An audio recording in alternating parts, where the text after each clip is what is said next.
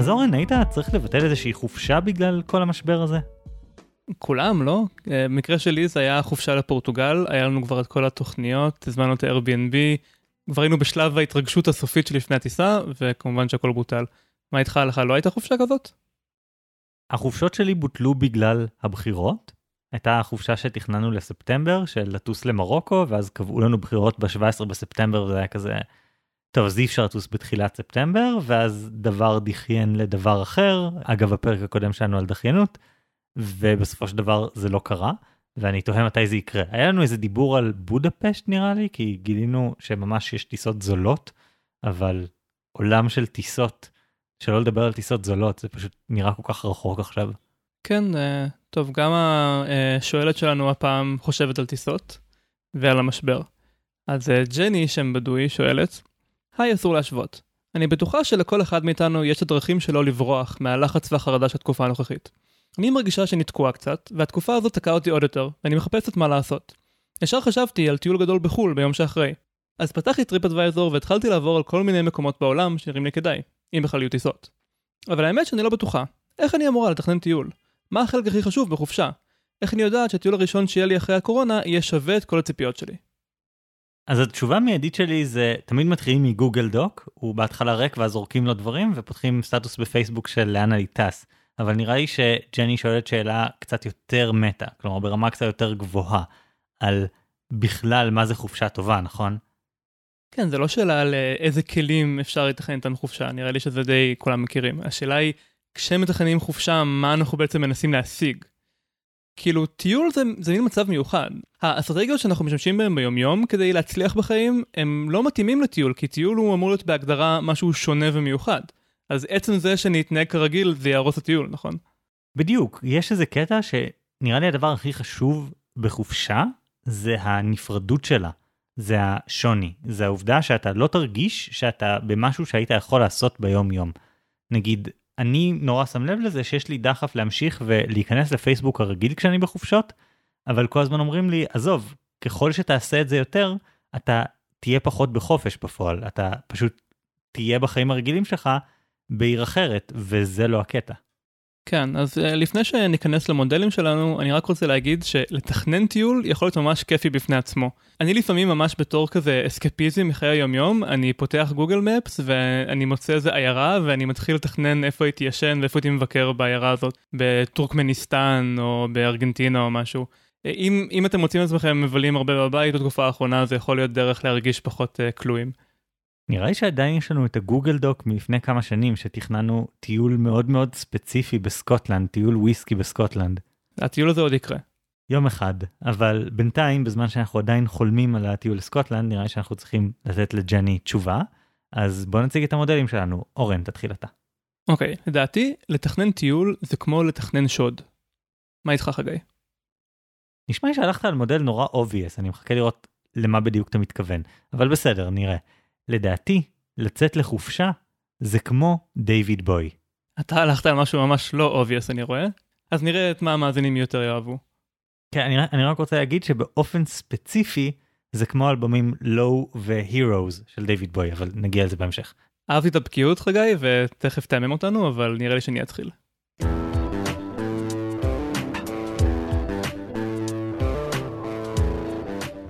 אז בואו נתחיל מהשאלה הבסיסית. למה בעצם לטוס לחו"ל? הרי באותה עלות של טיסה לחו"ל אפשר למשל לקנות מלא בגדים יפים, או לשדרג את הטלוויזיה לאחת גדולה יותר. במבט ראשון זה נראה ממש בזבזני, כלומר הוצאנו מלא כסף ואחרי שבוע חזרנו לאותה נקודה בדיוק. אבל מסתבר שאנחנו יכולים להגיד בוודאות מאוד גבוהה שזה לא המצב. זה נדיר למצוא ממצא חד משמעי במדעי החברה, אבל זה אחד הממצאים האלה. אנחנו מפיקים יותר עושר מחוויות מאשר מחפצים. יש על זה מלא מחקרים, וכולם מצביעים לאותו כיוון בדיוק. אז סתם כמה דוגמאות שמצאתי בחיפוש קצרצר. מחקר של אוניברסיטת אוסטין מראה שמיד אחרי שהוצאנו כסף לחוויה, אנחנו יותר שמחים מאשר מיד אחרי שקנינו חפץ. אה, מחקר אחר של החוקרים אה, קומר קילינגדורף וגילוביץ' אה, מצא שאנחנו יותר נהנים לצפות לחוויה מאשר לצפות לרכישה של חפץ.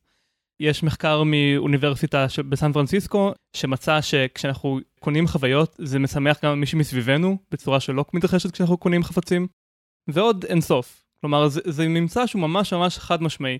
אז אם אי פעם חשבתם שחבל על הכסף או חבל על הזמן לטוס לחו"ל, אז האמת היא פשוט הפוכה, זה דבר שממש שווה להשקיע בו. כן, אני חושב שיש את הקטע הזה שכשאתה מצפה לחפץ, נגיד שאתה מזמין משהו מאמזון, הציפייה היא משהו מתסכל, שגם יש חוסר ודאות וגם כאילו כשזה מגיע זה כזה ייי איזה כיף ואז אתה חוזר לחיים שלך לעומת חוויה שאתה מצפה לה ומצפה לה ומצפה לה ומחכה ואז כשהיא מגיעה יש בום עכשיו זה תקופה של משהו יוצא דופן איזה משהו אחר לגמרי מהשגרה ומהסטנדרט שלך. כן אישית אני יכול להגיד שאפילו חוויה פשוטה כמו סרט שהולך לצאת אני יכול להשקיע יותר זמן בלחלום ולחשוב ולדבר על הסרט מאשר הזמן של הסרט עצמו. וחופשה זה בעצם ההזדמנות האולטימטיבית לצבור מלא חוויות. זה איזשהו משהו שאנחנו מצליחים כנראה לארגן לעיתים נדירות, פעם, פעמיים בשנה אולי, שבו אנחנו יכולים לחוות מלא דברים שבחיים לא חווינו, ואפשר לצפות לזה מלא זמן, ואז להיזכר בזה מלא זמן, וזה פשוט ממש ש... משהו שמסב לנו אושר בצורה חד משמעית. אוקיי, okay, על זה אנחנו מסכימים, אני מחכה לרגע שבו אנחנו נפסיק להסכים. מה שאני רוצה להגיד זה שאם כבר הצלחנו להתארגן על טיול, לעטוף את האנשים המתאימים, לגייס תקציב, לפנות ימי חופש, אז ממש חשוב שננצל את זה כמו שצריך. כלומר זה ממש סיכון גבוה. אם לא נתכנן כמו שצריך ונבצע וננצל את המשאבים האלה, הכסף והזמן והכל כמו שצריך, אז אנחנו נשלם מחיר כבד. המחיר כבד לא בכסף או בימי חופש, כי אלה יצאו ככה או ככה, אני מתכוון מחיר כבד בעלות אלטרנטיבית, מה שנקרא, או באנגלית opportunity cost. מה זה אומר? נניח אנחנו מסוגלים לארגן לעצמנו חופשה אחת בשנה. אם נצא לחופשה בינונית, אז איבדנו את ההזדמנות לחופשה נהדרת. אז uh, זה העלות האלטרנטיבית של לצאת לחופשה שלא תכננו אותה כמו שצריך. מה שאני רוצה להגיד כאן הוא שכדאי שנהיה מתוקתקים ונדע בדיוק מה אנחנו עושים לפני שאנחנו מושכים בהדק. אוקיי, okay, אני כבר שומע את המשקל האדיר של חרדתיות שנלווה לגישה שלך, אבל אני אפרגן לך עוד כמה דקות לפני שאני אתחיל אה, לבקר. אוקיי, okay, יש, יש לי כמה דקות, אני אנצל אותם. Uh, אז כשאני חושב על המושגים סיכון גבוה, הזדמנות נדירה, תכנון קריטי, מה זה מזכיר לי? שוד הוליוודי, מה שנקרא heist. נניח הסרט Ocean's 11 עם ברד פיט וג'ורג' קלוני וכולם. אה, יש איזשהו אוצר שנמצא בכספת מתחת לקזינו, והם יודעים על איזשהו רגע מסוים שבו יהיה להם הזדמנות להיכנס לשם, אז הם חייבים לתכנן כמו שצריך, לאסוף צוות עם יכולות יוצאות דופן, ליצור הסחת דעת, לגנוב את החפצים הכי שווים ולצאת בזמן. אם זה ייכשל, כולם ילכו לכלא. אבל אם זה יעבוד, הם כולם יהיו עשירים. אז uh, זה בדיוק כמו טיול בעצם. צריך לאסוף את האנשים, לבחור את הזמן, לתכנן את המסלול, לבצע בצורה מדויקת. אם זה ייכשל, חטפנו את ה-opportunity cost. אבל אם זה יצליח, נזכור את החוויה לשארית חיינו. בקיצור, לא פלא שג'ני ממש כיף לה לתכנן את הטיול הזה, כי זה קצת כמו להיות שודדת הוליוודית מגניבה. אתה שוב חוזר לעניין הזה של החרדתיות. אם לא תצליח, אז איבדת מלא, כמו שאם לא תצליח בשוד, אז אתה נכנס לכלא שארית חייך או משהו כזה.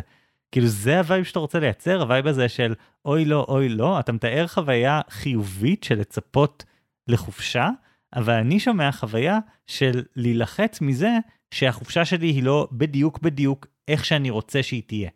תראה, אם הייתי רוצה סתם לנוח, אני יכול גם להישאר בבית, לקחת ימי חופש ולנוח. אני גם עושה את זה לפעמים. אבל אם אני כבר הולך על, ה... על הכל הקופה, מה שנקרא, ויוצא לטיול בחו"ל, אז הלחץ והחרדה שיהיו לי אולי אה, בשלב התכנון, הם שווים את זה בשביל החוויות האלה שאני אוסיף לבנק הזיכרונות שלי ואני אוכל אחרי זה להתרפק עליהם. חוץ מזה, לדעתי, לנסות להשיג משהו מסובך זה כיף כשלעצמו. תראה איך נהנים הדמויות באושן 11. הם לקחו לעצמם איזושהי משימה מאוד מאתגרת, וחצי מהסיבה שהם עושים את זה זה בשביל האתגר. ואני חושב שזה ממש דומה גם כאן, כאילו האתגר של להרכיב טיול ממש מגניב, זה, זה כיף בפני עצמו. אוקיי, אז איך בעצם מתכננים? אז אני רוצה לפנות כאן לאחד הספרים האהובים עליי, Introduction to Algorithms, של קורמן, ליזרסון, ריבס וסטיין, או ידוע בשם החיבה CLRS. זה לא ספר לימוד כזה מהמשעממים? אוקיי, אני מודה, זה ספר שלמדתי איתו אה, שתי קורסים בתואר הראשון במדעי המחשב, אבל זה לא אומר שזה לא אחד הספרים האהובים עליי. חוץ מזה, אה, אלגוריתמים בעצם זה פשוט דרך פלצנית להגיד תכנון. אז הספר הזה הוא אוצר של אה, עצות של מומחים איך לתכנן דברים. 1,300 עמודים של ייעוץ מומחה. נו, ואפשר לצאת מהספר הזה עם ידע על איך לשדוד בנק? או כספת מתחת לקזינו? תראה, אה, השודדים אה, בסרט אושן 11 הם לא היו בדיוק היו מומחים לאלגוריתמים, אבל היה להם יתרון אחר, הם היו הדמויות הראשיות של הסרט. לג'ני אין את היתרון הזה, אז היא תצטרך לעשות את העבודה הקשה ולתכנן uh, כמו שצריך. אז פתחתי את Introduction to Algorithms, ונתחיל מהחדשות הרעות. מסתבר שתכנון מהסוג הזה, של לתכנן שוד, או לתכנן טיול, הם שייכים לקטגוריה מוכרת של בעיות, שהם מומחים כמעט בטוחים שאי אפשר לפתור אותם בצורה אופטימלית בזמן סביר. כלומר, אני אתרגם לאנשים שלא באים מעולם מדעי המחשב, אי אפשר למצוא להם את הפתרון שהוא בוודאות, בוודאות הכי טוב, בלי מחשב שרץ במשך אינסוף זמן, או הרבה מאוד זמן, או מי יודע כמה זמן. כן, זה לוקח זמן אקספוננציאלי, מה שנקרא. האמת היא שזה אפילו יותר גרוע מזה. אה, לצאת לטיול או לצאת לשוד, יש בזה כמה תת בעיות, וכל אחד מהם בנפרד זה מהקטגוריה הזאת של בעיות שאי אפשר לפתור בזמן קצר. אז נניח כחלק מה... מהשוד, צריך אה, לבחור את המסלול של ההגעה ואת המסלול של הבריחה, ולדעת לעבור בכל נקודות מפתח ולהימנע ממקומות אחרים. אז זה בעצם ממש דומה לבעיה שנקראת הסוכן הנוסע, שזה בעיה מוכרת שידוע שהיא קשה, שבה איזשהו סוכן מכירות צריך לעבור בין כמה ערים, והוא צריך להגיע לכל עיר בדיוק פעם אחת, בסך הכל זמן הגעה הכי קצר. אני חושב שדוגמה יותר מוכרת לאנשים כרגע זה שליח וולט בזמן הקורונה, שצריך למצוא את הבתים הנכונים ולמקסם את השכר לשעה שלו. נכון. אפשר לנחש, זה מה שרוב ה, אה, הנהגים עושים, אבל אי אפשר לדעת שעלית על המסלול הכי נכון. ואז אחרי שהשולדים מגיעים לכספת של הקזינו, אז הם צריכים להחליט איזה אוצרות לקחת ואיזה להשאיר. יש להם אם אני זוכר נכון, הם הגיעו עם טרולי כזה של האוכל שמביאים לחדרים, אז הם יכלו להכניס רק מה שנכנס לשם. אז אם יש איזה ציור, אולי הוא שווה מיליונים ושווה להכניס אותו למרות שהוא גדול, אה, אבל משהו אחר שהוא, שאולי קטן יותר אבל זול יותר, לא שווה להכניס, זו בעיה מסובכת. אה, באלגוריתם קוראים לזה בעיית הנאפסק, כלומר יש לי שק, אז מה לשים בו, וזה גם בעיה שאי אפשר לפתור בזמן סביר. אוקיי, okay, אז נשמע לי מכל הדבר הזה, ש... אי אפשר לפתור בזמן סביר את הבעיה של איך מייצרים את החופשה המושלמת. כלומר, אם תנסה, זה יכלה לך את כל הזמן עד החופשה, וגם אז אתה רק תצא עם יותר ספקות, כי אתה יודע בוודאות מאוד גבוהה שלא מצאת את הפתרון הכי נכון והכי מדויק. לכאורה כן. אגב, לקטגוריה הזו של הבעיות קוראים בעיות NP שלמות. לא ניכנס למה זה בדיוק N ו-P, אבל מה שראוי לציין זה שאנחנו לא יודעים בוודאות שאין לזה פתרון טוב. מה שאומר שאולי ג'ני תוכל למצוא איזושהי שיטה חדשה לפתור את הבעיות האלה בצורה מושלמת, אבל אם כן, אז היא כנראה תהיה זכאית לפרס נובל או פרס פילד או משהו, כי זו בעיה פתוחה ממש חשובה במתמטיקה. בכל מקרה, יש גם חדשות טובות. למרות שקשה עד בלתי אפשרי למצוא פתרון שהוא אופטימלי, מסתבר שבהרבה מקרים אפשר למצוא פתרון שהוא ממש קרוב לאופטימלי. אה, זה תת תחום של אלגוריתמים שנקרא אלגוריתמי קירוב. אז מסתבר שאפשר לקחת את אחת הבעיות האלה, כמו הסוכן הנוסע או בעיית הנפסק, ולמרות שאנחנו אין לנו מושג איך למצוא את הפתרון שהוא מושלם, אפשר למצוא פתרון שהוא מאוד קרוב להיות מושלם בזמן שהוא יחסית קצר, בזמן שהוא מתקבל על הדעת. אה, יש אפילו מקרים שבהם אנחנו יכולים להחליט כמה זמן בא לנו להשקיע, ואנחנו נתקרב יותר ויותר ויותר לפתרון המושלם, כתלות בכמה זמן אנחנו מוכנים להשקיע. אנחנו יודעים שאין סיכוי שנוכל להשקיע את הזמן שצריך בשביל פתרון מושלם, כי זה נמדד במאות או אלפי או מיליוני שנים, אבל אם אנחנו מוכנים להקדיש בלוק מסוים של זמן על התכנון, אז אנחנו יודעים שהזמן הזה יצדיק את עצמו. אנחנו נצא עם תוכנית טובה יותר מאשר אם היינו מקדישים פחות זמן. אוקיי, okay, אז איך היא עושה את זה תכלס? מה היא אשכרה יכולה לעשות? אז uh, למשל, אלגוריתם קירוב שאפשר לחשוב עליו לתכנון של טיול, אז בטיול יש כל מיני אטרקציות שמעניינות אותנו, כל מיני נקודות עניין. נניח אנחנו רוצים לטוס ללונדון, אז יש את uh, ארמון בקינגהם, ויש את המוזיאון, המוזיאון הבריטי, uh, יש תיאטראות, כל הדברים האלה. אמ, ולדעת איך לעבור בכמה שיותר מהם בזמן קצוב מסוים, זה בעיה שהיא מה שנקרא NP שלמה. מה שאפשר לעשות זה להתחיל ליצור מארזים. מה זה אומר? אנחנו יכולים להיות די בטוחים שאם אני מבקר במקום מסוים, אז שווה לי לבקר גם בנקודה שהיא מאוד סמוכה והיא גם שווה. אז אפשר להגיד. שאני אקח את שתי הנקודות האלה ואתייחס אליהן ביחד כמו נקודה אחת. אז עכשיו נשארתי עם בעיה שהיא טיפה יותר קלה. ובצורה הזאת אני יכול ליצור יותר ויותר מארזים, יותר ויותר גדולים, עכשיו, כמה שאני אורז דברים ביחד בצורה יותר גסה, אז הפתרון שלי יהיה יותר רחוק מאופטימלי. נניח אני אחליט שאם אני הולך לשכונה מסוימת, אני מבקר בכל מה שיש בשכונה, זה כנראה לא שווה, כי חלק מהדברים בשכונה הם לא כאלה מעניינים למרות שהם קרובים. אז כמה שאני אפרק את זה יותר, אני אקבל בעיה יותר מסובכת, שיותר זמן לוקח לפתור אותה, אבל יותר קרובה לבעיה האמיתית שממנה התחלתי, שזה לבחור מתוך כל האפשרויות. אז בעצם אני יכול להחליט שיש לי נניח 10 שעות נטו לחשוב על הבעיה הזאת, ולכן אני אצור מארזים ככה שישארו לי 100 אפשרויות ולא 10,000 כמו שהתחלתי, ואז לפתור את הבעיה הזאת. זה בעצם אלגוריתם קירוב. אני אפתור בעיה שהיא דומה לבעיה המקורית, ופתרון אופטימלי לבעיה הפשוטה יותר, הוא פתרון מקורב לבעיה המלאה. קצת מזכיר לי את מה שדיברנו עליו בפרק הקודם שלנו. אני לא יודע איך לנצח במלחמת ששת הימים, אבל אני יכול להתחיל מלנצח את המצרים, ואז לפתור את הבעיות של לנצח את הירדנים והסורים. כן, יש כאן איזשהו דמיון. אולי איזשהו אה, היפר AI של אה, צבא היה יודע שצריך לשלוח בדיוק 71 חיילים לנקודה הזאת ו-20 חיילים לנקודה הזאת, ואחרי שעתיים שהתחלפו, ולמצוא איזה פתרון גאוני שהיה מוציא את הפתרון המושלם. אבל בני אדם בדרך כלל לא יכולים באמת לחשוב בצורה הזאת. אנחנו צריכים להכליל, לפשט, ואז אה, לפתור את מה שאפשר. אז יש כאן איזשהו קשר, כן. אבל נשמע שאם נעשה את זה, אתה פשוט הולך להגיע לאיזושהי גישה ממש מוזרה לתכנון. כאילו מוזרה, אבל סופר נפוצה. פשוט לפתוח מפה, ואז להסתכל על כל הדברים שהכי הרבה אנשים היו בהם, הכי הרבה אנשים מדברים עליהם. פשוט יהיה לך איזשהו צ'קליסט כזה של רשימת החוויות הרשמית של לונדון. ובלי איזשהו ניסיון אמיתי לבדוק מה טוב לך ומה פחות טוב לך, זה פשוט ניסיון לדחוס כמה שיותר לזמן נתון.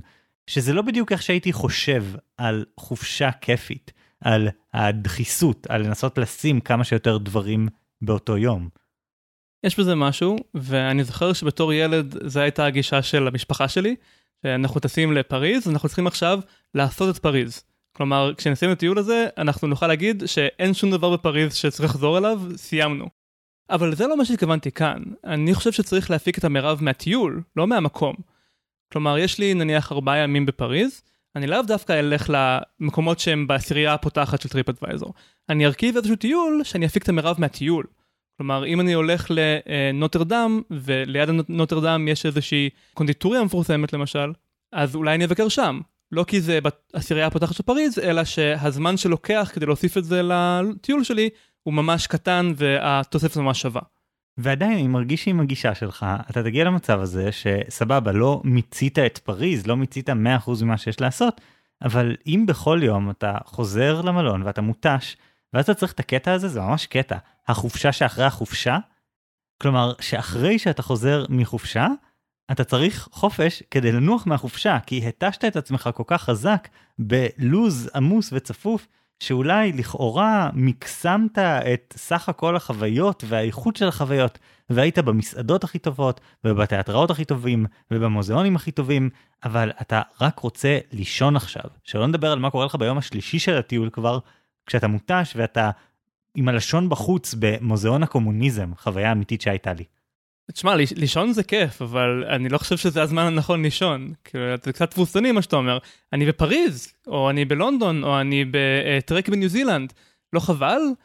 אני רוצה לדעת שאני אחזור הביתה עם חוויה עוצמתית ובלתי נשכחת, וזה מה שחשוב לי. אחרי זה אני אהיה קצת uh, מותש בעבודה כמה ימים, uh, יהיה בסדר. אבל שוב, זה עושה את הדברים האלה, זה הופך אותם ליום עבודה. זה ממש הופך את זה ל, לעוד עבודה שאתה צריך לעשות.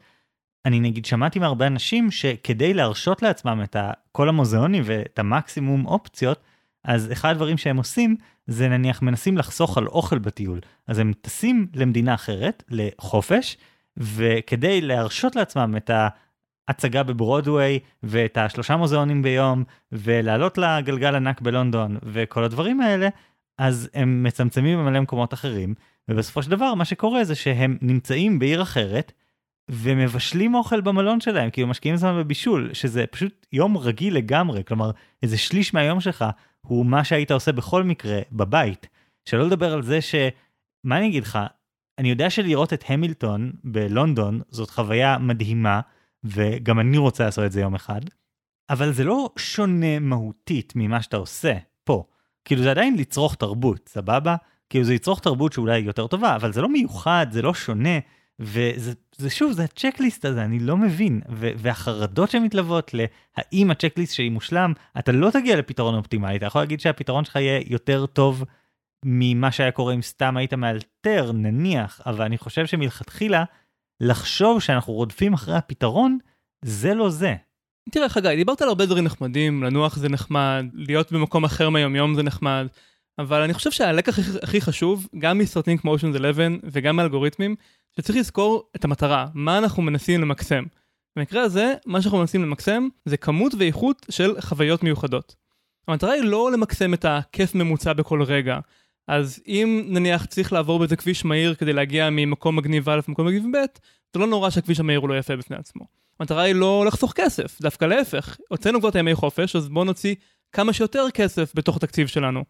אז uh, באמת נשמע לי לבשל בבית זה כנראה בעייתי, עדיף אולי לחטוף איזה אוכל מהיר ליד האטרקציה, אפילו אם זה מחירים מופקעים של תיירים, אם זה מה שמאפשר לנו להגיע למטרה שלנו. בקיצור, העצה שלי לג'ני זה, זה שני דברים. קודם כל, לא לנסות לכוון לתוכנית המושלמת, אלא לקחת תוכנית ולשפר אותה שוב ושוב ושוב לאורך זמן, שזה נשמע שאת כבר מתכוונת לעשות, כי יש לנו עוד זמן עד uh, הטיול וכבר התחלת לתכנן, אז יופי. והדבר השני, שים לב כל הזמן ליעדים שאת מנסה למקסם. ואז תוכלי לצאת, לכבוש את החוויות ולחזור מנצחת.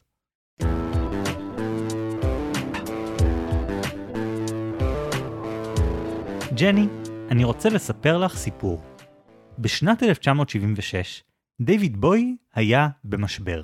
הוא היה מכור לקוקאין, מעורב בשערוריות, כמו זה שהוא נתפס כתומך פשיזם, הוא גם מספר שנגמר לו הכסף. ממש תקופה אפלה בחיים שלו, הוא ממש אומר, זאת אחת התקופות האפלות ביותר שהוא חי בהן. בוי היה חייב איזשהו שינוי, הוא היה צריך שמשהו מהותי בחיים שלו ישתנה. אז הוא התחיל מלעבור לגור בשוויץ, ואז אחרי כמה חודשים הוא עבר, יחד עם החבר שלו, הזמר איגי פופ, לגור בברלין.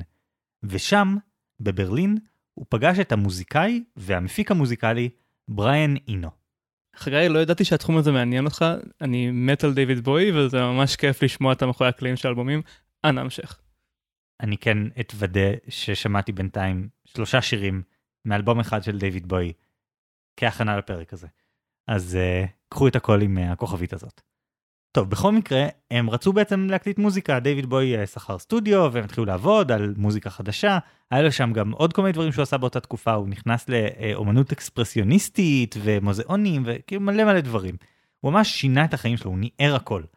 אבל ספציפית במוזיקה שלו, הסיפור, אחד הסיפורים הכי מוכרים שם, זה שבריאן אינו, המפיק המוזיקלי, היה מגיע לסטודיו שבו בוי והלהקה שלו עבדו עם חפיסת קלפים שנקראת Oblique Strategies, אסטרטגיות עקיפות. אלה קלפים שעל כל אחד מהם הייתה הנחיה מוזרה אחרת. נניח, תאר את הבעיה במילים הכי ברורות שאפשר, או תשתמש רק באחד מכל סוג, או קבל את הטעויות שלך כאילו היו כוונה נחבאת. או אם אני אשלוף עכשיו אחת באקראי מהאפליקציה שהורדתי שעושה את אותו הדבר, הדגש את המגרעות. בקיצור, כל מיני עצות מוזרות כאלה. והרעיון הוא שהקלפים האלה אמורים לעזור למוזיקאים בסטודיו לצאת ממצבים של תקיעות. כשהם לא יודעים מה לעשות, כשאין להם רעיונות, כשהם סתם לא מוצאים את עצמם, אז הם לוקחים את הקלפים האלה, ואז מוצאים משהו חדש לעשות.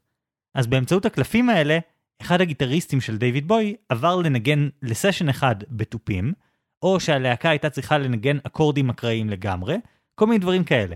וזה חירפן את כל המוזיקאים שם, הם ממש אמרו שפשוט הסשנים האלה נשמעו רע, זה היה חוויה שלילית בהרבה מובנים. אבל בסופו של דבר, התוצאה של כל זה הייתה כמה מהאלבומים הכי מוערכים של בוי ושל שנות ה-70 בכלל. ספציפית לואו והירוז, שניים מתוך טרילוגיית ברלין שלו, שהוקלטו בסשנים האלה. אז אתה אומר, תעשה דברים באקראי וזה יצא בדרך כלל גרוע, אבל לפעמים טוב. בינתיים עוד לא השתכנעתי. אז קודם כל, הבן אדם שממנו שמעתי בכלל על הדבר הזה, על הקונספט הזה, טים הרטפורד, ששנינו שמענו את הפודקאסט שלו, Cautionary Tales, הוא כתב ספר שלם על הנושא הזה, שנקרא Messy, The Power of Disorder to Transform Our Lives, שהקטע שלו זה בדיוק להדגיש כמה הנקי והמסודר הוא לא תמיד היעיל, הוא לא תמיד מה שאנחנו רוצים שיהיה, ולפעמים אנחנו צריכים לנער. אז בפרק הזה ספציפית, האמת שהוא מתייחס ישירות למה שאתה בעצמך אמרת, הוא מתייחס ישירות לבעיות סוכן נוסע ושלל בעיות NP שלמות. הוא אומר שהגישה הזאת של לנער את המערכת, להוסיף קצת כאוס, היא דרך לייעל את אותם האלגוריתמים. אנא פרט. אז בעיקרון, איך עובד אלגוריתם? בוא נדמיין שנייה שאני עכשיו מנסה להפעיל את אחד האלגוריתמים שלך, ואני מנסה למצוא את הנקודה הכי גבוהה בכדור הארץ. עכשיו, איך בדרך כלל היית מצפה? היית מצפה להתחיל באיזושהי נקודה ולטפס. זה מה שהאלגוריתם פשוט היה עושה.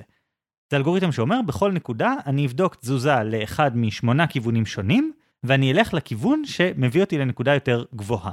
אני מבין שאתה מדבר על uh, למצוא את הנקודה הכי גבוהה בעולם, כשהעולם מכוסה לחלוטין על ידי ערפל, ואי אפשר לראות איפה הערים. לא רק מכוסה ערפל, שאתה לא יודע איפה אתה, שהוא uh, מחוספס, שאין נקודה אחת גבוהה וכל השאר נמוך, אלא שיש הרבה נקודות גבוהות, חלקן גבוהות יותר, חלקן גבוהות פחות. ואם אתה משתמש באלגוריתם פשוט, אז מה שיקרה זה שאתה תמצא בדרך כלל פסגה מקומית, איזשהו מקסימום מקומי, ואתה הרי בוחר כנראה באקראי מאיזה נקודה על כדור הארץ להתחיל, ויכול להיות שאתה פשוט מוצא את עצמך על דיונה במדבר, הרבה מתחת לאברסט. וזה בדיוק הנקודה. כדי לשפר את האלגוריתמים האלה, אחד הדברים שעושים, עוד מעט אתה אולי תתקן אותי בתור מי שאשכרה מבין באלגוריתמים, אז אחד הדברים שעושים זה מדי פעם לנער. מצאתי איזושהי נקודה שנראית כמו מקסימום, אני הולך עכשיו באקראי או לזוז לכיוון אחר, או באקראי לבחור נקודת התחלה אחרת, או לבחור, נניח, איך שמוצע שם בספר, שליש מהזמן להקדיש ללמצוא, לבחור 100 נקודות אקראיות ולבדוק מה הגובה שלהן, ואז להתחיל מזאת שהכי גבוהה, ורק אז להתחיל ליישם את האלגוריתם שמנסה להביא אותי למקסימום המקומי. כלומר, אם אני לא אנער את המערכת, אני אגיע לפסגה המקומית הכי גבוהה. אז לצורך העניין, אם אנחנו מסתכלים על מוזיקה, אם אני לא מוסיף את האסטרטגיות העקיפות, אם אני לא מוסיף את הקצת רעש הזה, אז מה שיקרה זה שאני נמצא באיזושהי תקיעות, באיזשהו נגיד סגנון מוזיקלי אחד, שאני כבר לא מוצא מאיפה בכלל אפשר לשפר אותו. אבל ברגע שאני אכניס קצת רעש, אני אבלבל את עצמי, אני אשים את עצמי באיזושהי נקודה אחרת, פתאום אני אוכל להגיע לשיא שאפילו לא היה במפה שלי, שאפילו לא חשבתי שהוא אפשרי. תראה, אי אפשר להתווכח עם התוצאות. אה, האלבום הירוז הוא אחד היצירות מופת הגדולות של הרוק בכל הזמנים, אבל זה נשמע כאילו זה לוקח מלא השקעה. הם היו צריכים להיות שם בסטודיו, לתת לגיטריסט לנגן בתופים או מה שזה לא היה, ולהוציא מוזיקה שבקושי ראויה לשם מוזיקה במשך שבועות לגבי שבועות, עד שהם מצאו את ההברקה הזאת ועלו על הפסגה החדשה. אני לא בטוח שזה בדיוק מקביל למצב של ג'ני. טיול יש רק אחד. אוקיי, okay, אז יש פה כמה דברים, אני רוצה לפרק את, ה, את הנמשל פה. קודם כל צריכים להבין מה המטרה מבחינתי של חופשה, כי אני חושב שהמטרה של פשוט לאסוף עוד חוויות מעולות, זה לא בדיוק זה. אני מסתכל על חופשה בתור השלב הזה שנועד לעמוד בניגוד לשאר החיים. לתת איזשהו נקודת מבט אחרת על החיים, לתת אוויר לנשימה, לצאת מהתקיעות הרגילה הזאת של החיים, התחושה הזאת שאנחנו עושים את אותו הדבר שוב ושוב, אז חופשה זה לעשות משהו אחר. אז זה דבר ראשון, אני לא רוצה בחופשה לשבת עם אקסלים, אני לא רוצה לשבת עם גוגל מפס, אני רוצה ליהנות, אני רוצה להיות משוחרר מכל הדברים האלה. אז זה השלב הראשון, שאני בכלל לא מחפש למקסם את מה שאתה אמרת, זה לא היעד שלי. אז כדי לעשות את הדבר הזה, מה שאנחנו צריכים לעשות זה לחפש משהו מפתיע, משהו שהוא שובר שגרה ושונה מהותית מהיומיום שלנו, כי אחרת זה לא עושה את זה. אנחנו יכולים לחשוב על מה יהפוך את היומיום שלי ליותר כיף, ונניח ללכת ליותר סרטים או ליותר מוזיאונים יכול להפוך את חיי השגרה שלי ליותר טובים, אבל כשאני הולך לחופשה אני מחפש משהו אחר. וזה בדיוק העניין. יש כל מיני גרסאות לזה, יש כל מיני דרכים ליישם את זה.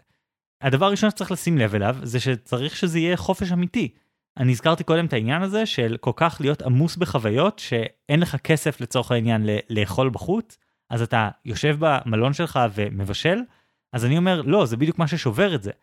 אם אתה מבלה מלא זמן באוטובוסים ובניווט ובתורים ובלבשל ובכל הדברים האלה, זה לא חופש. חופש לא צריך להיות בחו"ל, חופש צריך להיות באיזשהו מצב שאת עוברת פאזה, את עוברת לפאזה שאת במזג אוויר אחר, סביבה שנראית אחרת, כשאת לא צריכה לדאוג לעצמך לאוכל ושתייה, מקום שאת לגמרי לגמרי בחופש בו. חשוב מאוד, בלי טלפון, ברור שבלי לבזבז זמן על לראות נטפליקס, שזה עוד יום יום רגיל, פשוט למצוא משהו שהוא break, ווואלה, לא צריך חו"ל בשביל זה. ללכת לשבוע במדבר, בלי קליטה, וואלה, יש לזה את הערך שלו, זה ייתן לך את הברייק הזה שאת צריכה. תראה, אולי במקרים פשוטים יותר, שאתה יוצא לסופה של מדבר או משהו בלי הטלפון, אז זה באמת לעבור פאזה וזה נחמד. אבל ברגע שהחלטת שאתה רוצה באמת uh, לעשות משהו מיוחד, ושל פעם בחיים, פעם בשנה, אז קצת קשה לי להבין את זה, כי מה שאתה, המחיר שאתה משלם על לעבור פאזה, כמו שאתה אומר, זה שאין לי את היכולת להגיע לכל הדברים הכי טובים. אני יכול להיות ממש ליד איזשהו דבר מדהים, איזה מוזיאון או משהו, ואני אפילו לא אדע את זה, כי אני בלי הטלפון. אז כאילו, כמה אתה מוכן לשלם על לעבור פאזה? מה, מה זה בעצם לעבור פאזה בשבילך? אתה זוכר שלפני 11 שנה טסנו ביחד ללונדון? בטח, לעולם לא אשכח. אז בטיול ההוא היו שני סוגים של דברים שהיינו עושים. אחד, זה היה באמת הלו"ז המדוקדק, אה, המוזיאון, למרות שאני פספסתי חצי מהיום של המוזיאון כי איבדתי את הדרכון שלי. אה, ללכת לראות מחזמר, אה, כל הדברים האלה, סבבה, יש את הדברים שהם היו ממש לפי לו"ז. אבל הקסם, הרגעים של הקסם מבחינתי, זה היה הרגעים שפשוט הסתובבנו, פשוט הלכנו ברחוב, ואז נכנסנו לחנות מוזרה עם כובעים, ואז מצאנו מסעדה קטנה ומוזרה עם מישהי אה, שלא הבינה אה, אנגלית כמו שצריך, והיא לא הצליחה להסביר לנו איזה מנות יש בתפריט, ו- וההפתעות האלה. וההפתעות האלה מגיעות מזה שפשוט אמרנו, טוב, אנחנו במקום חדש, בוא פשוט נסתובב פה עם העיניים הפקוחות האלה של אני לא יודע מה יהיה, אני אסתובב ואני אתפוס הזדמנויות, אני פשוט אנער את המערכת, אני אלך למקום חדש לגמרי שאני לא מבין בו כלום, אני מזכיר גם שזה היה לפני עידן הסמארטפונים, ואז אני אתחיל ללכת, ואז אני אראה איזה דברים מעניינים יש באזור הזה, בנקודה הזאת וכן הלאה. סבבה, היה לנו כמה דברים שבאמת סימנו צ'ק עליהם, שאמרנו אנחנו חייבים ללכת למחזמר, לא היה לנו אכפת אגבי זה, הלכנו לזה שהיו כרטיסים זולים וזמינים.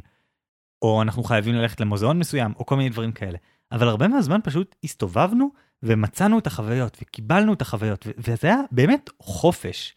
זה לא היה לחוץ, וזה לא היה עייף, זה היה גמיש וכיפי, ובאמת אחד מהדברים שהרבה יותר זכורים לי מטיולים שבהם פשוט היה לוז מאוד מסודר, שוואלה, להגיד לך שאני זוכר את כל המוזיאונים הקטנים והמוזרים שהייתי בהם? לא, זה לא העיקר. אני זוכר את המוזיאונים היוצאי דופן והמיוחדים, והממש ממש ממש לא סטנדרטיים, מוזיאון קפקא בפראג, אבל אני לא זוכר פרטים על מוזיאון הקומוניזם. אני זוכר ששאלתי את עצמי, למה לא יכולתי פשוט לראות את זה באיזה סיור וירטואלי, זה היה שווה אותו דבר. אז מה, אתה פשוט מייעץ אה, לבחור מקום שנראה נחמד ולטוס לשם ויהיה בסדר, ואני בכלל לא יודע מה אני אעשה? מצד אחד כן, מצד אחד יש בזה משהו, זה לחוות את הקסם של מקום אחר, ואת הסוגי תחבורה הספציפיים שלו, שזה דבר שאותי נורא מלהיב, ואת האוכל המקומי, ופשוט כזה לזרום ו- ולראות מה, מה יקרה. אז יש את האלמנט הזה. אבל אפשר ללכת על גרסה יותר קיצונית של זה. הגרסה שאומרת, אני, אני הולך לעשות משהו שונה לגמרי. כי שוב, אני אחזור, מה המטרה? המטרה בכל הדבר הזה היא לקבל נקודת מבט חדשה על החיים שלך. את רוצה לחזור חזרה, וכשתחזרי חזרה, כל דבר בחיי היומיום שלך יראה לך שונה לחלוטין מאיך שהוא נראה לך קודם, לפני שטסת.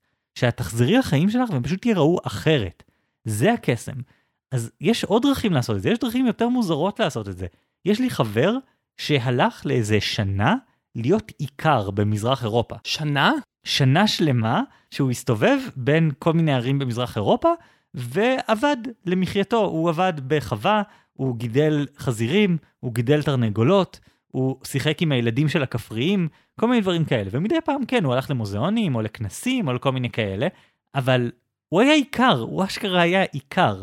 והוא חזר עם תפיסה שונה לגמרי של מה זה חיים, מה זה חיי היומיום, מה זה לחיות בעיר. אתה מדמיין את ההבדל בין החופשה שהוא לקח לבין סתם ללכת לכל uh, העשרה top locations ב TripAdvisor של פראג? אני לא בטוח שאפילו אפשר לקרוא לזה חופשה בשלב הזה. הוא אמר לך למה הוא עושה את זה? קודם כל זה פשוט מתאים לו, בן אדם שרוצה לצבור חוויות, כמו שאתה תיארת, והעניין בחוויות הוא שמה לעשות, ראית מוזיאון אחד במזרח אירופה, או במערב אירופה, אלה שני סוגים שונים של מוזיאונים פשוט, ראית את רובם. נכון, יש מוזיאונים יוצאי דופן, אבל אתה יודע, מוזיאונים זה מוזיאונים, ואם תצבור 20 ביקורים במוזיאונים, לא שינית את החיים שלך מקצה לקצה. אבל שלושה ימים של להיות עיקר, זה הולך להיות משהו שהרבה יותר יישאר איתך מהתכנון האופטימלי הזה שאתה תיארת. תשמע, כמו שכבר אמרתי, אה, טיול זה סיכון גבוה. יש לי הזדמנות אחת להפיק את המירב, וזה נשמע כאילו אתה ממש כמו בן אדם שנכנס לקזינו, שם את כל הכסף על אדום ברולטה ואומר, אני כבר לא בשליטה כאן. אני מקווה שיצא טוב, ואם לא, אז לא. אני מוכן לקבל את ההשלכות. ואני, אה, בן אדם שונא סיכון, זה נשמע לי ממש מפחיד. אז יש לזה שתי תשובות. תשובה אחת היא שבאיזשהו מקום יש בזה משהו, כלומר אני מקבל את הביקורת באיזושהי רמה, כי אני אומר שהחופשה כאן היא חוויה הוליסטית, היא לא אוסף של חוויות, אלא היא חוויית על אחת גדולה, שבה אני מתמקד, היא חוויה שהמוקד שלה זה אחר. זה לקחת ברייק, לקחת הפסקה מהחיים הרגילים וללכת למשהו אחר. ויש דרכים לעשות את זה גם בלי הרבה סיכון. כי נגיד, יש לי חברים שהמליצו על לקחת כמה ימים באיזשהו אתר אירוח בנגב שקוראים לו צינרים. אתה נמצא בתוך צינור בטון ענקי שהוסב לחדר, ואתה במדבר, וזהו. וואלה, יש בזה משהו, פשוט להתנתק לגמרי, ללכת למשהו מאוד מוזר, מאוד שונה, ו... ולהיות כזה ב vibe טוב. וזה לא עולה הרבה כסף, זה לא כמו לטוס לחו"ל. וואלה, הנה, הנה כיוון. אז זאת תשובה אחת, להסתכל על החוויה ההוליסטית ולא על צבירת החוויות. כי עם גישת צבירת החוויות, אתה לעולם לא תעשה את הקטע הזה של, טוב, בוא ניקח עכשיו ארבעה ימים בבקתת דייג, כי אתה תחשוב על כל מה שהיית יכול לעשות בזמן הבקתת דייג, ואחרי יום אתה תגיד, טוב, הבנתי איך זה לגור בבקתת דייג. זה באמת מה שאני אעשה, ואני חושב שזה גם הדבר הנכון לעשות. אז קודם כל יש לי חברים שהיו בבקתת דייג כזאת בפינלנד, ונראה שזאת חוויה שהם ספגו הרבה יותר מעוד מוזיאון. אז זאת תשובה אחת. אבל החלק השני הוא חלק ששוב חוזר דווקא לפתרון שלך, של האלגוריתמים. מה שבריאן אינו אמר זה לא פשוט תמשיך לאסוף עוד ועוד קלפים מוזרים ועוד ועוד התנהגויות מוזרות. זה לא שמה שאתה שומע בדיסק בסוף זה שיר שלם שבו המתופף הוא גיטריסט, הגיטריסט הוא בסיסט, הבסיסט הוא מתופף.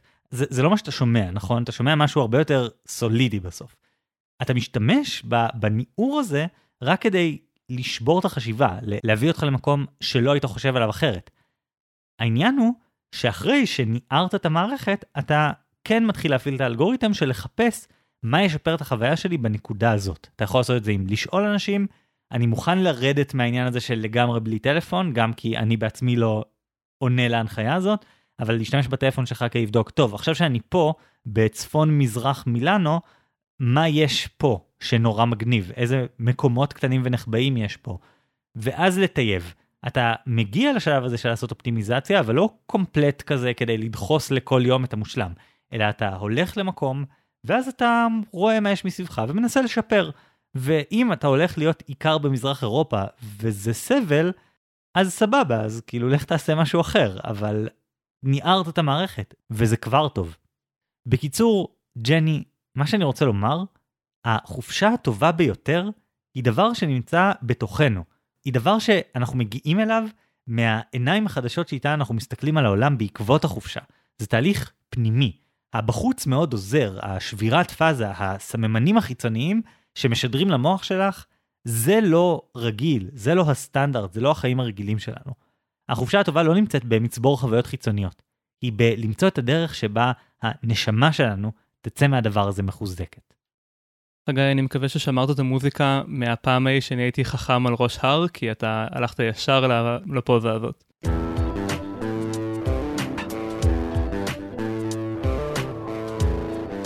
אז אורן, אני מבין את המודל שלך, אני מבין את מה שאתה מנסה להגיד, אבל זה חוזר למשהו שהזכרנו כבר כמה פעמים בפודקאסט הזה, שזה ה-happiness treadmill, הליכון האושר. הניסיון לעשות אופטימיזציה הוא פשוט לא הדרך הנכונה לגשת לחיים.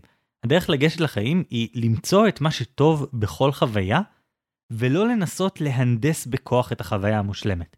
הניסיון לעשות אופטימיזציה לאושר של עצמך, הוא בדיוק מה שהולך להקשות עליך ולהקשות על ג'ני להפיק את המיטב מהחופשה.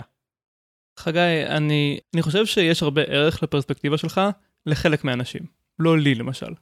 כי אני חושב שמה שאתה מדבר עליו, אה, לשנות פאזה ולראות את החיים אחרת, זה מגיע בסופו של דבר מתוך איזשהו רצון לברוח מהחיים שכבר יש לך. אז אני חושב שזה הכל חוזר לאיך אתה מרגיש לגבי החיים שלך לפני הטיול.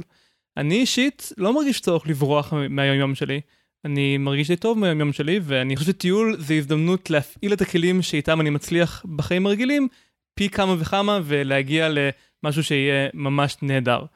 אבל אנשים אחרים, אולי אה, הם ממש צריכים את, ה, את השבירה הזאת בגלל שיש משהו שמטריד אותם, שהם מרגישים צורך לברוח ממנו, או שהם חושבים שהם לא יודעים לאיזה כיוון הם רוצים ללכת בחיים, ואולי פרספקטיבה חדשה תעזור להם.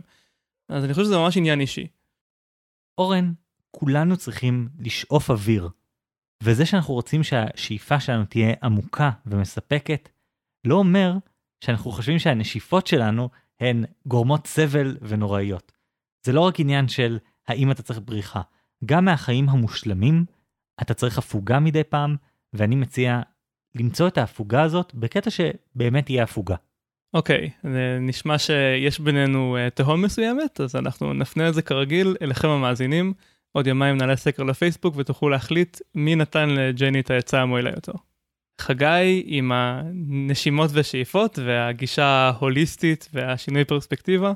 או אורן עם הגישה של אופטימיזציה והאלגוריתם לחופשה המושלמת. אז uh, זהו להפעם, uh, תודה שהאזנתם, uh, אל תשכחו לעקוב אחרינו בעמוד הפייסבוק שלנו. אנחנו מזכירים לכם גם להמליץ לחברים על הפודקאסט, זאת הדרך שבה אנחנו משיגים הרבה מאוד מאזינים חדשים, וזה מעודד אותנו להמשיך ולהוציא פרקים ולחשוב על שאלות מעניינות ותשובות מעניינות עוד יותר. וכמובן אנחנו מחכים לראות uh, מה היו תוצאות הסקר. Uh, אני אורן ברנשטיין. אני חגי אלקיים שלם. נתראה בפעם הבאה עם השוואות חדשות.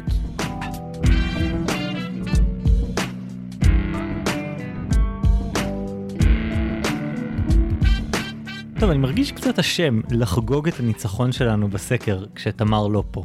זה היה ניצחון מאוד מאוד דחוק, אני חושב שאם לא היינו אנחנו שניים והיא אחד, אז הסקר היה יכול להיגמר בתיקו. למה? אנחנו ניצחנו אותה בשני קולות שלמים, שזה אומר שגם אם היינו רק בן אדם אחד, היינו מנצחים אותה בקול אחד. שלא לדבר על כמות מפתיעה של בוגדים, חברים שלנו, שהצביעו לתמר. כן, טוב, אז 52 אה, אחוז הסכימו איתנו שדחיינות זה כמו מלחמת ששת הימים וצריך לפרק את המשימה ולהביס אותה בחלקים. ו-48 אחוז אה, הסכימו עם תמר שזה כמו סיוע מוניטרי וצריך לייצר מוטיבציה פנימית לבצע את המשימה. ואחת התגובות, התגובה של עידן זק, גרמה לי לחשוב. כי עידן כתב לנו, אהבתי את זה שתמר דיברה על רגשות ותיאוריות פסיכולוגיות, ולאט לאט הזיזה את חגי לצד שלה, מסתבר שהפרד ומשול זו גם דרך טובה לנצח ואסור להשוות. אולי אם לא הייתי נשבר במהלך הפרק וקצת אה, עובר טיפה, ככה, לא, לא לגמרי, כזה טיפה, לצד של תמר, אולי היינו מנצחים ניצחון הרבה יותר סוחף. אבל כמו שעידן אומר, בעצם זה שהיא העבירה אותך לצד שלה, היא הדגימה שאפשר לעשות אה, ניצחון על ידי להתמקד בחלק אחד בכל פעם. אז בעצם אנחנו יותר צודקים או פחות צודקים? אנחנו כאילו, אנחנו מנסים עכשיו לשים ספין על איך ניצחון בשני קולות הוא יותר משמעותי, נכון? זה מה שקורה פה. כן, בדיוק. היו עוד הרבה תגובות מעניינות. אה, שי גולדין כתב, בחרתי בתיאוריה הרגשית, כי אצלי לפחות אין ממש קשר בין קושי ואורך המשימה לכמה קשה לי להתחיל איתה. אני יכול לדחות משימה פשוטה וקצרה המון זמן, ודרש לי לא פחות כוח לשבת ולעשות אותה. במהלך הלימודים היה לי קשה כמעט באותה מידה ללמוד מבחנים קלים ולמבחנים קשים. הבעיה אצלי היא בעצם הלשבת לעשות משהו, וזה נוצר ממקום הרבה יותר רגשי לדעתי.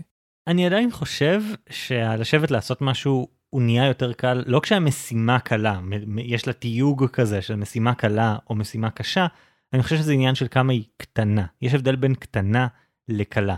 כלומר אם אני מבקש ממך לשבת ורק לקרוא פסקה אחת בסיכום אז גם אם הסיכום נורא קשה והפסקה הזאת נורא מאתגרת עצם זה שזה רק פסקה אחת זה יהיה לך יותר קל.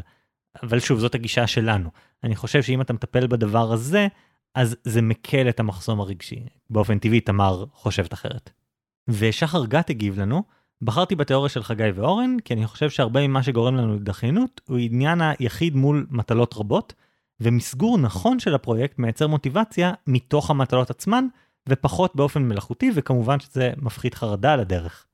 ושחר גם הוסיף שלדעתו זאת הסיבה שפורמט של סדרות כל כך מצליח, כי לראות סרט אחד של שעה וחצי זאת משימה הרבה יותר גדולה מלראות שלושה פרקים, ואתה פשוט רואה חצי שעה בפרק, אתה מתחייב פחות, ולכן יותר קל לזרום וככה לעשות רק עוד פרק אחד, במקום לשבת עכשיו לוואלה, אני אראה סרט של 4 שעות או של 6 שעות. אני חושב ששחר ממש צודק, זו הדגמה יפה לכמה שהמודל שלנו נכון, כי לראות סרט זה כיף. אין פה איזה עניין של אה, אני לא רוצה להתחיל או אין לי מוטיבציה, יש לי את כל המוטיבציה האינטרינזית אה, לשבת ושיבדרו אותי. הדבר היחיד שעוצר אותנו מלראות סרט, כשאנחנו רוצים קצת לנוח בערב, זה עצם הגודל של המשימה. מצד שני, הדבר הראשון ששחר אמר, כן מראה שהסינרגיה בינינו לבין התיאוריה של תמר היא די נכונה. כלומר, שאולי מה שמשמעותי בלחלק את המטלה, זה בעצם זה שאנחנו מפחיתים את החרדה. עצם זה שאנחנו מחלקים משהו גדול להרבה דברים קטנים, מאפשר לנו למסגר נכון את הפרויקט, לייצר מוטיבציה מתוך המטלות, לקבל הרבה יותר בונוסים במרכאות על זה שהתקדמנו במטלה הקטנה, לעומת הקושי המאוד גדול משימה אחת גדולה, את אלמנט הצ'קליסט היומי שלך. הצ'קליסט שלי בעבר הרבה פעמים היה כולל דברים כמו להקליט פרק של פודקאסט. עכשיו להקליט פרק של פודקאסט זה משהו שלוקח הרבה מאוד שעות ביום אחד, בטח כשזה הספינר וזה כולל יום אחד מרוכז של הרבה מאוד כתיבה, הקלטה, עריכה, העלאה לאינטרנט, יצירת גרפיקה, כל הדברים האלה. אם זו הייתה משימה אחת והייתי מסמן צ'ק אחד, זה היה מאבד לי מלא מלא מוטיבציה. עצם זה שאני יכול לפרק את זה לחלקים קטנים, ובמרכאות לקבל נקודות, וגם לא במרכאות, אשכרה לקבל נקודות בתוך האפליקציית משימות שלי, זה מייצר מוטיבציה. וזה בדיוק הדגמה לעניין הסינרגיה דווקא, לא ליתרון החד משמעי שלנו על פני הגישה של תמר. כן, יש בזה משהו. טוב, תגובה אחרונה שנקריא של נורית קרני, היא כותבת, אה, זה מורכב, זה מאוד משנה עד כמה אתה במקום נמוך או מקום חזק בחיים. מצד אחד, החיזוקים הם קריטיים, המחויבות מול אדם נוסף היא קריטית, הגימיפיקציה היא ממש חשובה, ואני גם דוגל בזה שחייב שיהיה כיף. אבל מצד שני, פירוק למשימות וקיומה של תוכנית ברורה ופיזבילית נותנת ידיעה שנצליח, כי ברור איך. זה הופך את מה שמעורפל לצלול, ומפלס דרך בתוך הסבך. דברים אחרים חשובים מאוד, אבל אורן וחגי לוקחים מבחינתי. עם זאת, אני לא חושבת שהדימוי של מלחמת ששת הימים תופס באמת. אני מסכימה עם השורה התחתונה הרבה יותר מאשר עם הדימוי. אז קודם כל אני רק מזכיר שחלק מהקטע שלנו זה לחשוף כל מיני סיפורים ומקורות חדשים, כמו, לא יודע, הסיפור של דיוויד בוי שהבאתי היום, אה, סתם כדי שתכירו דברים מעניינים ושיהיה לכם על מה לדבר עם חברים שלכם. אה, אז לפעמים ברור שתהיה התאמה מוגבלת, אבל, אבל בכל מקרה, אני מאוד שמח שאורן ואני נמצאים עכשיו באותו צד של המטאפורה הזאת, שהיא לא לגמרי מתאימה, אבל היא מעניינת בפני עצמה, שאני מרגיש שאורן אה, הרבה פעמים מביא מטאפורות מגניבות גם על חשבון הדיוק, ואני מבין אותו הרבה יותר טוב עכשיו, כי זה כל כך הרבה יותר כיף להביא מטאפורה מגניבה. וחוץ מזה, אני חושב שזה ממש נכון שאנשים שונים נמצאים במקומות שונים. אה, זה קצת דומה למה שדיברנו עליו עכשיו לגבי הטיול. יש אנשים שהם במקום שבו הם עוד לא יכולים לחשוב על הפרטים. הם חייבים לאזור את הכוח לעשות את הצעד הראשון, אם זה אומר אפילו להסתכל על מה צריך לעשות. ויש אנשים שהם כבר טיפה יותר מגויסים, ומה שעוצר אותם זה שהם לא יודעים איפה להתחיל, ולא החרדתיות מהמשימה באופן כללי. ואני חושב שחלק ממה שאני מקווה שהפרק שלנו יעשה לאנשים, זה יעזור להם להבין איזה מהמודל יותר רלוונטי למקרה הספציפי שלהם. אה, טוב, אה, נמשיך לספרים שקראנו השבוע. אה, חגי, יספר לנו. אז בעצם הרעיון שלי הגיע מפרק אחד מאוד מאוד טוב של הפודקאסט Cautionary Tales, שהוא פודקאסט שגם אורן וגם אני מאוד אוהבים. אנחנו גם לפעמים מתוסכלים ממנו כי הוא קצת uh, גונב לנו רעיונות, כלומר הוא מיישם רעיונות שהיו לנו לפני שאנחנו הספקנו. זה פודקאסט כל כך טוב שאני קצת מהסס להמליץ עליו כי אני מפחד שאנחנו נראה פחות טוב בהשוואה אליו. זה פודקאסט ברמת הפקה מאוד גבוהה, הוא של חברה שכל הפודקאסטים שלה מאוד מאוד טובים, אבל ספציפית היה פרק באמת טוב על העניין הזה, של איך לנער לפעמים את המערכת, זה מוסיף, בדיוק מה שאמרתי.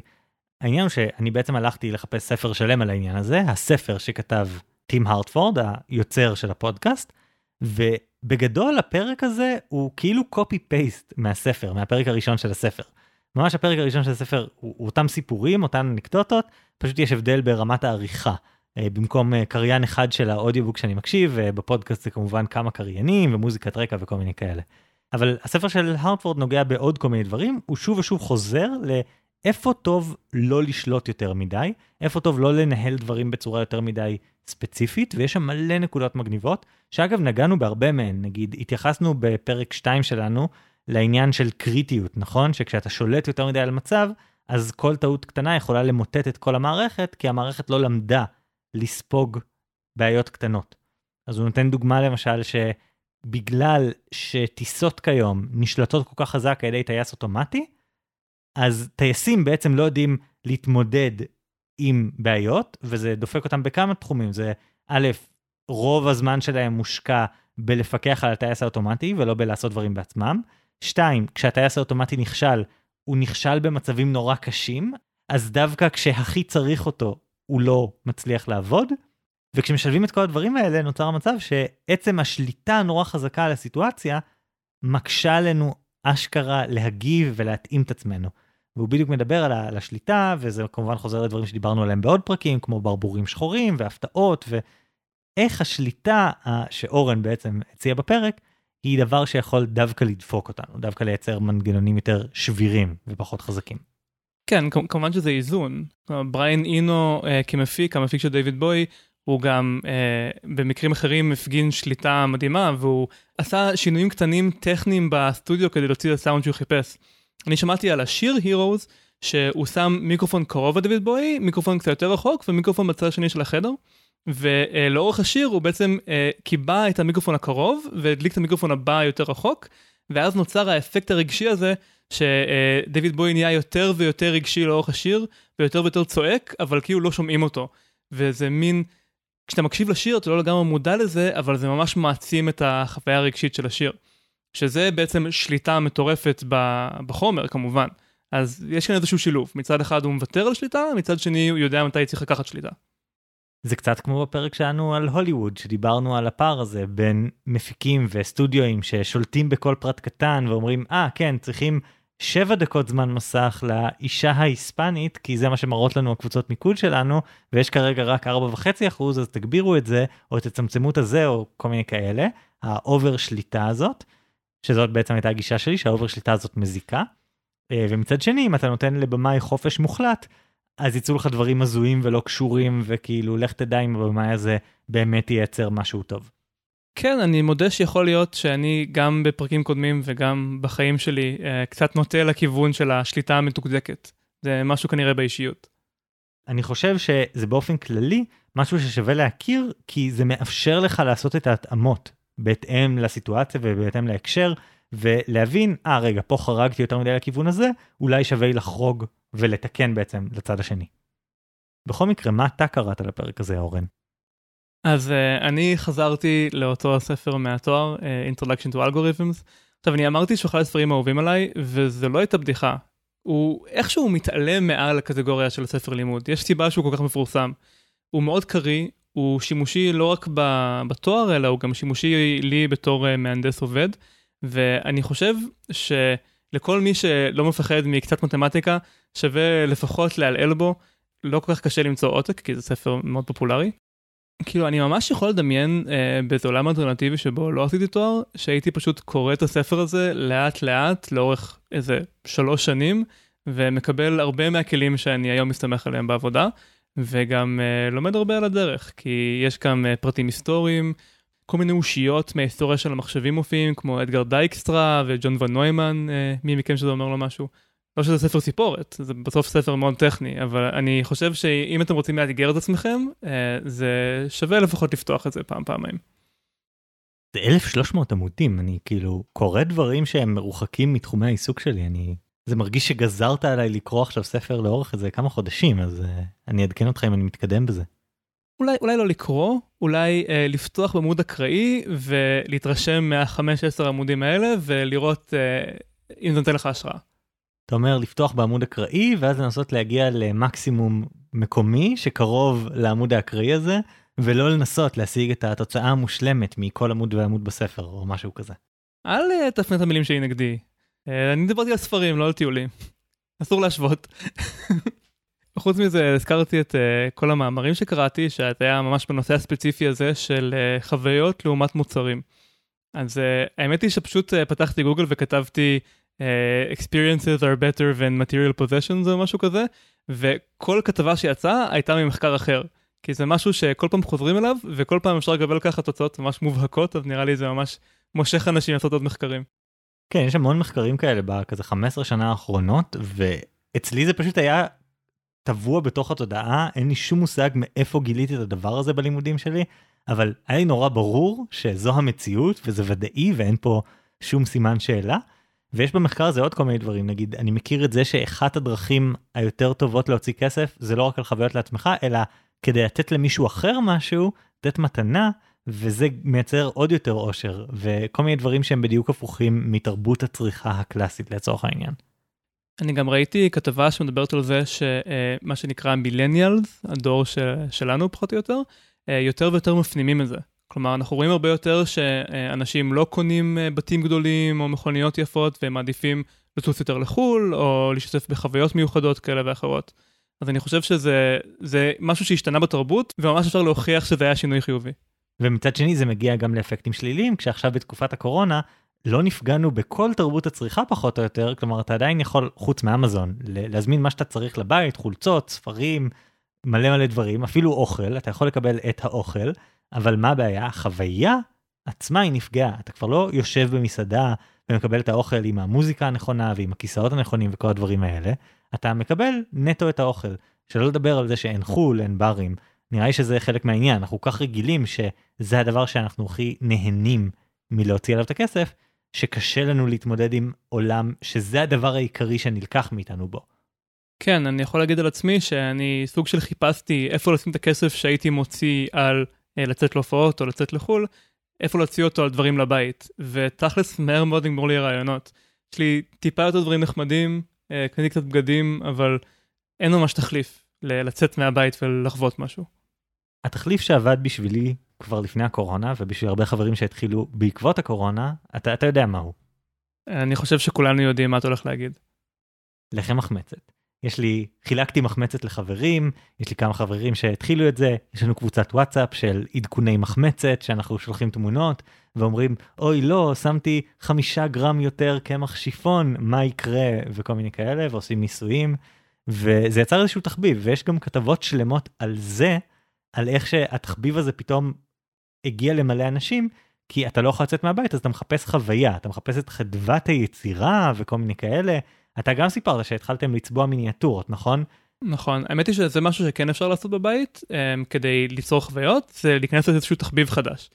זה גם לא יקר בדרך כלל. אנחנו uh, הוצאנו uh, כמות uh, יחסית uh, סבירה של כסף על uh, צבעים ומיניאטורות. לקחנו את האנשים הקטנים מהמשחקי לוח שיש לנו בבית, ופשוט השקענו בלצבוע אותם ש... שיצאו יפים. וזה בדיוק העניין, אתה לא תקבל well-being, אתה לא תגדיל את ה-well-being שלך מזה שיהיו לך עוד חפצים בבית, אתה תגדיל את ה-well-being שלך מחוויות, וחוויות זה לא דבר שחייב לעלות כסף, זה דבר שאפשר לעשות סתם ככה. ולחם מחמצת כאילו זה קמח ומים ליטרלי כאילו נראה לי שלפעמים שמים מלח זה זה הרמה אז זה ממש פשוט. ואני גם רואה מכל מיני דברים שאני עושה עכשיו כל מיני פרויקטים שזה אחד האתגרים הגדולים שיש הרבה מאוד אנשים בעולם שאין להם את התחביבים האלה ונורא קשה לפתח אותם ואם אין לך תחביב כזה הרבה יותר קשה לך להתמודד עם הסגר ועם כל הדברים האלה. לגמרי, אז uh, אני מציע לכל מי שעדיין מאזין, תפתחו את הראש, תחפשו איזה משהו מגניב לעשות, uh, תתחילו לסרוג, תעשו לחם מחמצת, אולי תתקנו בעצמכם דברים בבית, או תשפרו את הבישול שלכם. זה דרך uh, זולה ואפילו מועילה uh, לשפר את החוויה שלנו עד uh, שיעבור זעם, מה שנקרא. אוקיי, okay, אז נראה לי שעד כאן להפעם. אני חגי אלקיים שלם. אני אורן ברנשטיין, ביי.